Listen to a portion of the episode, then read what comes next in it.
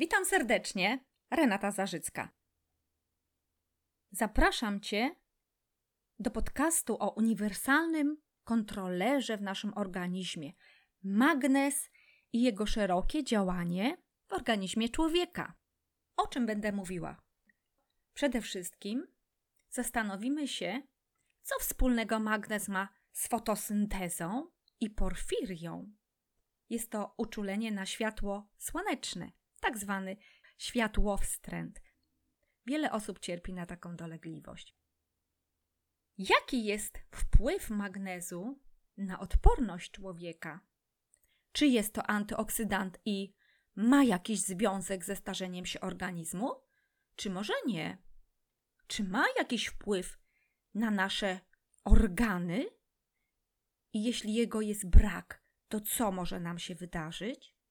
Jeśli tak, to w jaki sposób magnez działa na nasz organizm. Czy jest ważny dla naszego umysłu, dla naszego mózgu, dla naszego układu nerwowego? Postaram się odpowiedzieć na wszystkie te pytania, a na koniec dodam jeszcze informację, w jakiej żywności możemy znaleźć najwięcej magnezu. Pragnę wrócić do tematu fotosyntezy i co wspólnego magnez ma z chlorofilem i porfirią, uczuleniem na światło słoneczne. Dziś wiemy, że zjawisko procesu stałego wytwarzania materii organicznej sięga miliardów lat, kiedy to na Ziemi pojawiły się barwniki wyzwalające reakcję chemiczną przez absorpcję promieni słonecznej. To dzięki temu mamy różne kolory roślin i chlorofilu, nie tylko zielony. Jednak tu decydującą rolę odegrały fotouczulacze z grupy porfiryn. Powstały one z prostych związków tzw. Tak kwasu octowego i gliceryny. Dopiero jednak pojawienie się magnezowej pochodnej porfiryny w postaci chlorofilu zadecydowało o historii naturalnej, wyższych form życia organicznego.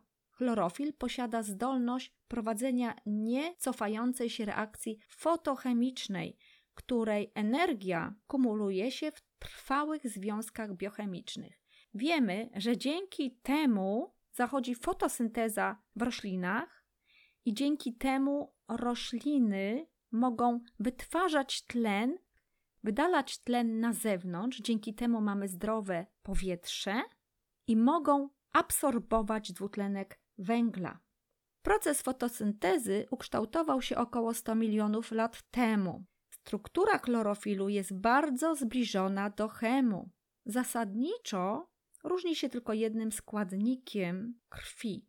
Chlorofil posiada jon magnezu, a hem, czyli hemoglobina, posiada jon żelaza. Dzięki temu ten ewolucyjny związek świata roślin i zwierząt został udokumentowany przez naukowców w 1901 roku przez Leona Marchlewskiego, profesora chemii Uniwersytetu Jagiellońskiego, któremu pomagał Marceli Nenkim. Odkrycie to przyniosło badaczom światowy rozgłos i dotyczyło zielonego barwnika organizmów roślinnych chlorofilu i przy okazji czerwonego barwnika organizmów zwierzęcych chemu. Marklewski wykazał, że pod względem struktury chemicznej oba związki są niemal identyczne. Wyniki badań zostały opublikowane w ich wspólnej pracy w 1901 roku, w której też został sformułowany pewien pogląd o chemicznej jedności królestwa roślin i zwierząt. To jest coś niesamowitego, że jesteśmy dalekimi, być może kuzynami. W badaniach Marchlewskiego należy więc dostrzegać początku biochemii porównawczej, wskazującej, iż różnorodność form życia opiera się na tym samym planie budowy. Odkrycie chemicznej jedności chlorofilu i chemu okazało się przełomem, który możemy nazwać przewrotem kopernikańskim w naukach przyrodniczych. Najbardziej oczywisty, tradycyjny podział organizmów wywodzący się jeszcze od Arystotelesa, umocniony przez Linneusza na dwa królestwa zwierząt i roślin, stanął zatem pod znakiem zapytania. Kiedy rośliny nie domagają z powodu niedoboru magnezu, nie tylko rosną wolniej, ale ich liście są blade i przedwcześnie żółkną. Uzupełnienie gleby solami magnezu szybko przywraca roślinom pełne zdrowie. Można powiedzieć, że u człowieka dzieje się to dość podobnie. Człowiek również nie może być zdrowy, mając braki magnezu. Stwierdzono to na pierwszym kongresie poświęconym chorobom wywołanym deficytem magnezu, który odbył się w maju 1971 w Whitetail. Jon magnezu odgrywa szczególną rolę w niemal wszystkich procesach zachodzących w organizmie. Jest uniwersalnym kontrolerem i ma bardzo szerokie działanie w naszym organizmie.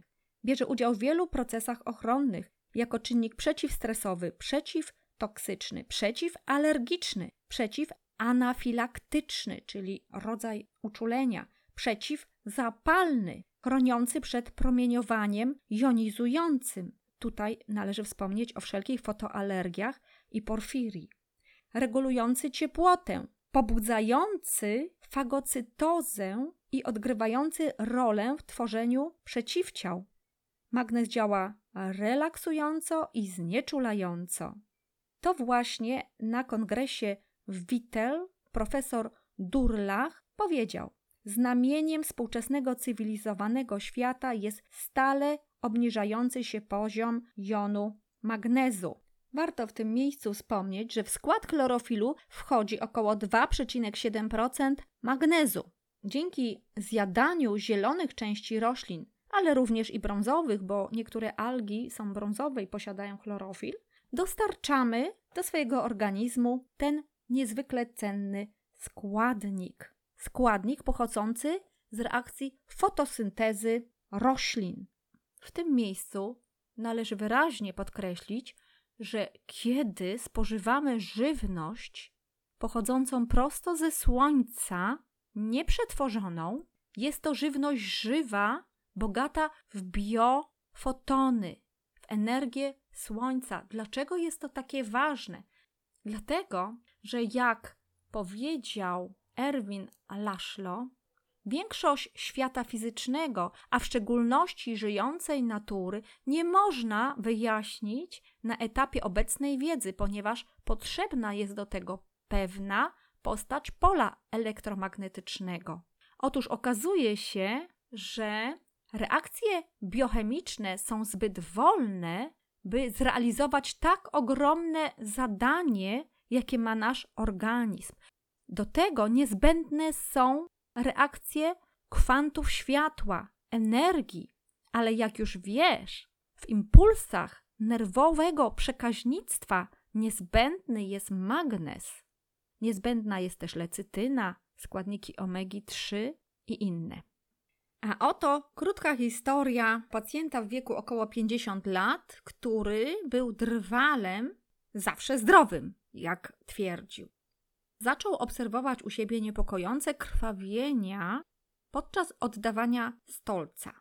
Okazało się, że przy wywiadzie dietetycznym miał on również skurcze w nogach, szybko się męczył i miał brak energii. Poza tym pojawiły się różnego typu sińce, większe, mniejsze, ciemnoniebieskie, sine i żółte. Ale taką najdotkliwszą i wstydliwą dość dolegliwością było to, że jego ciało wydzielało bardzo przykry odór. Żadne dezodoranty nie pomagały. Kąpał się nawet do sześciu razy dziennie. Niemniej jednak już po pół godzinie przykry zapach ciała wracał. Doszło do tego, że jego żona nie chciała nawet z nim dzielić wspólnej sypialni. Po dietetycznym wywiadzie okazało się, że jego dzienny jadłospis był dość bogaty w dużą ilość mięsa i ogólnie białka.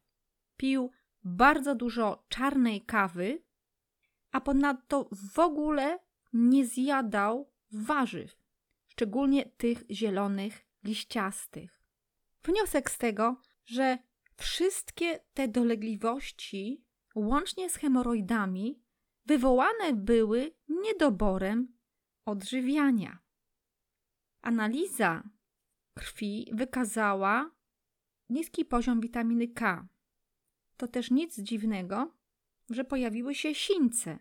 W diecie również nie dostarczał bioflawonoidów, uszczelniaczy naczyń krwionośnych. Znajdują się tuż pod skórką owoców. Badania testowe włosa dowiodły natomiast, że ma on ogromne niedobory magnezu. Zalecono mu zatem dużo pożywienia z chlorofilem, jak również bogatych w witaminę K, na przykład lucerna. Owoce i warzywa około 60% lub więcej dziennego pożywienia. Bioflawonoidy znaleźć on mógł również w cytrusach, owocach dzikiej róży, czarnej porzeczki, truskawkach i wielu, wielu innych, które rosły na słońcu, jak również witaminę P, czyli bioflawonoidy, w kaszy gryczanej. Już po dwóch tygodniach takiego żywienia ustąpiły skurcze mięśni. Natomiast już po trzech tygodniach powróciła chęć do pracy i życiowa energia wraz z ustąpieniem uczucia zmęczenia. Przy okazji zniknęły sińce, a w końcu przykry odór ciała powstały z silnej toksemii, kwasicy metabolicznej. Jak to możliwe, że brak magnezu mógł powodować tyle dolegliwości? Otóż niedobór magnezu w komórkach powoduje zmiany w przepuszczalności błony komórkowej. W konsekwencji tego procesu następuje utrata potasu i reszty magnezu, które zastąpione są wapniem i sodem. Tak powstaje wzrost substancji zwanej AMP i ostatecznie obumarcie komórek. U tego mężczyzny był silny proces gnilny w organizmie, obumieranie, toksemia, ponieważ tworzyło się bardzo, bardzo dużo toksyn. Bardzo istotne jest zrozumienie, że magnez odgrywa ważną rolę w odpowiedzi immunologicznej, zarówno komórki, jak i przeciwciała. Brak magnezu w diecie zwierząt powoduje spadek o 60% poziomu przeciwciał immunoglobuliny. Jest to szczególnie widoczne w przypadku tzw. Tak IgG, immunoglobulina G, ale spada także poziom immunoglobuliny A, E i M. Natomiast w immunologicznej odpowiedzi komórkowej biorą udział limfocyty T, które potrzebują wapnia i magnezu 2 do 1 do właściwego procesu dojrzewania. Brak wapnia będzie powodował niedojrzałość ciał obronnych limfocytów T. Brak magnezu może również powodować obumieranie komórek, jak już wiesz. Badania na szczurach wykazały bezpośredni związek między niedoborem magnezu a osłabioną odpornością na alergie i nowotwory, zwłaszcza na białaczkę i nowotwory układu limfatycznego. Podczas białaczki zaczyna się proces z białymi ciałkami krwi. Białe ciałka krwi pełnią niezwykle ważną rolę w specyficznych mechanizmach odpowiedzi immunologicznej. Wyróżnia się pięć głównych typów takich białych ciałek krwi: monocyty i neutrofile, czyli granulocyty, fagocyty, komórki żerne, uczestniczące w procesie zapalnym. Bazeofile i eozynofile również biorą udział w reakcji zapalnej, natomiast limfocyty produkują przeciwciała, atakują i niszczą zarazki chorobotwórcze. Przykładowo limfocyty B i T powstają z komórek macierzystych właśnie w szpiku kostnym. Kiedy mamy białaczkę, szpik kostny jest uszkodzony i nie możemy wytwarzać odpowiedniej ilości ciał obronnych. Czynnik chorobotwórczy, który wtargnął do organizmu, nazywany jest antygenem. Antygenami są wirusy, bakterie, pierwiastki, grzyby, pasożyty. Antygen najczęściej spotyka w organizmie jedno z białych ciałek krwi, czyli leukocyty. Powstawaniu białaczki sprzyja również grasica, która traci właściwości odpornościowe.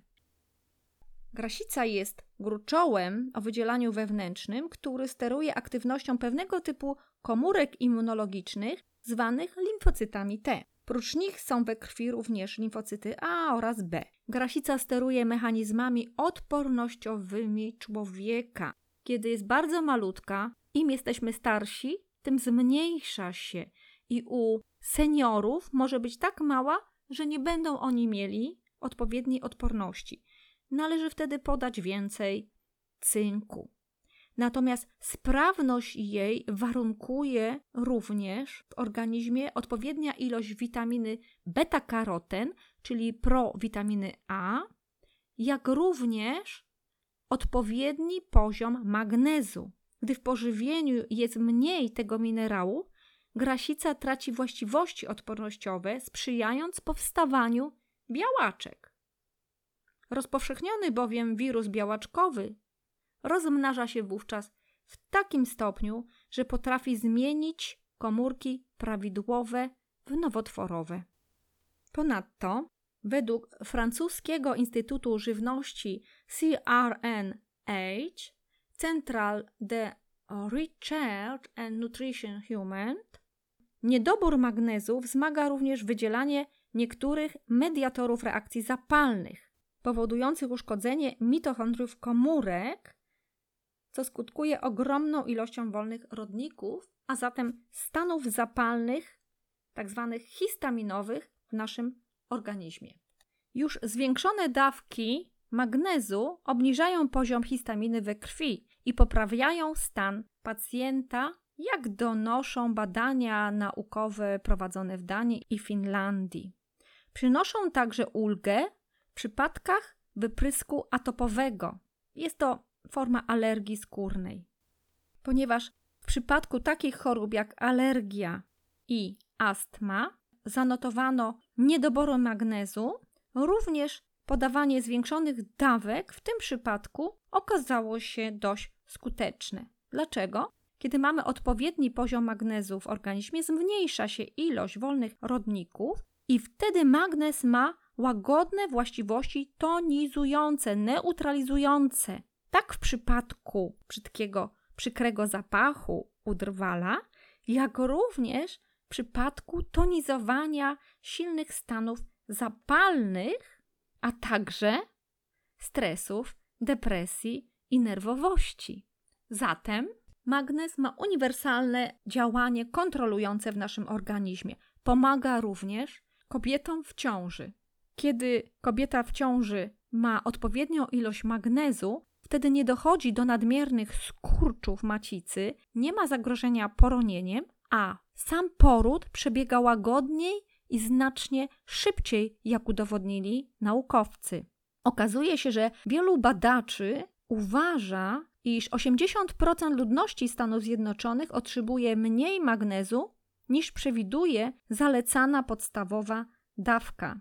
Narażeni są głównie ludzie przyjmujący leki moczopędne, nasercowe lub antybiotyki, środki antykoncepcyjne i inne, czyli leki zakłócające normalny metabolizm magnezu, a także ludzie spożywający nadmierne ilości tłuszczy i alkoholu oraz palacze. Niektóre raporty mówią również o tym, że niedobory magnezu podczas ciąży mogą powodować migrenę i wysokie ciśnienie krwi.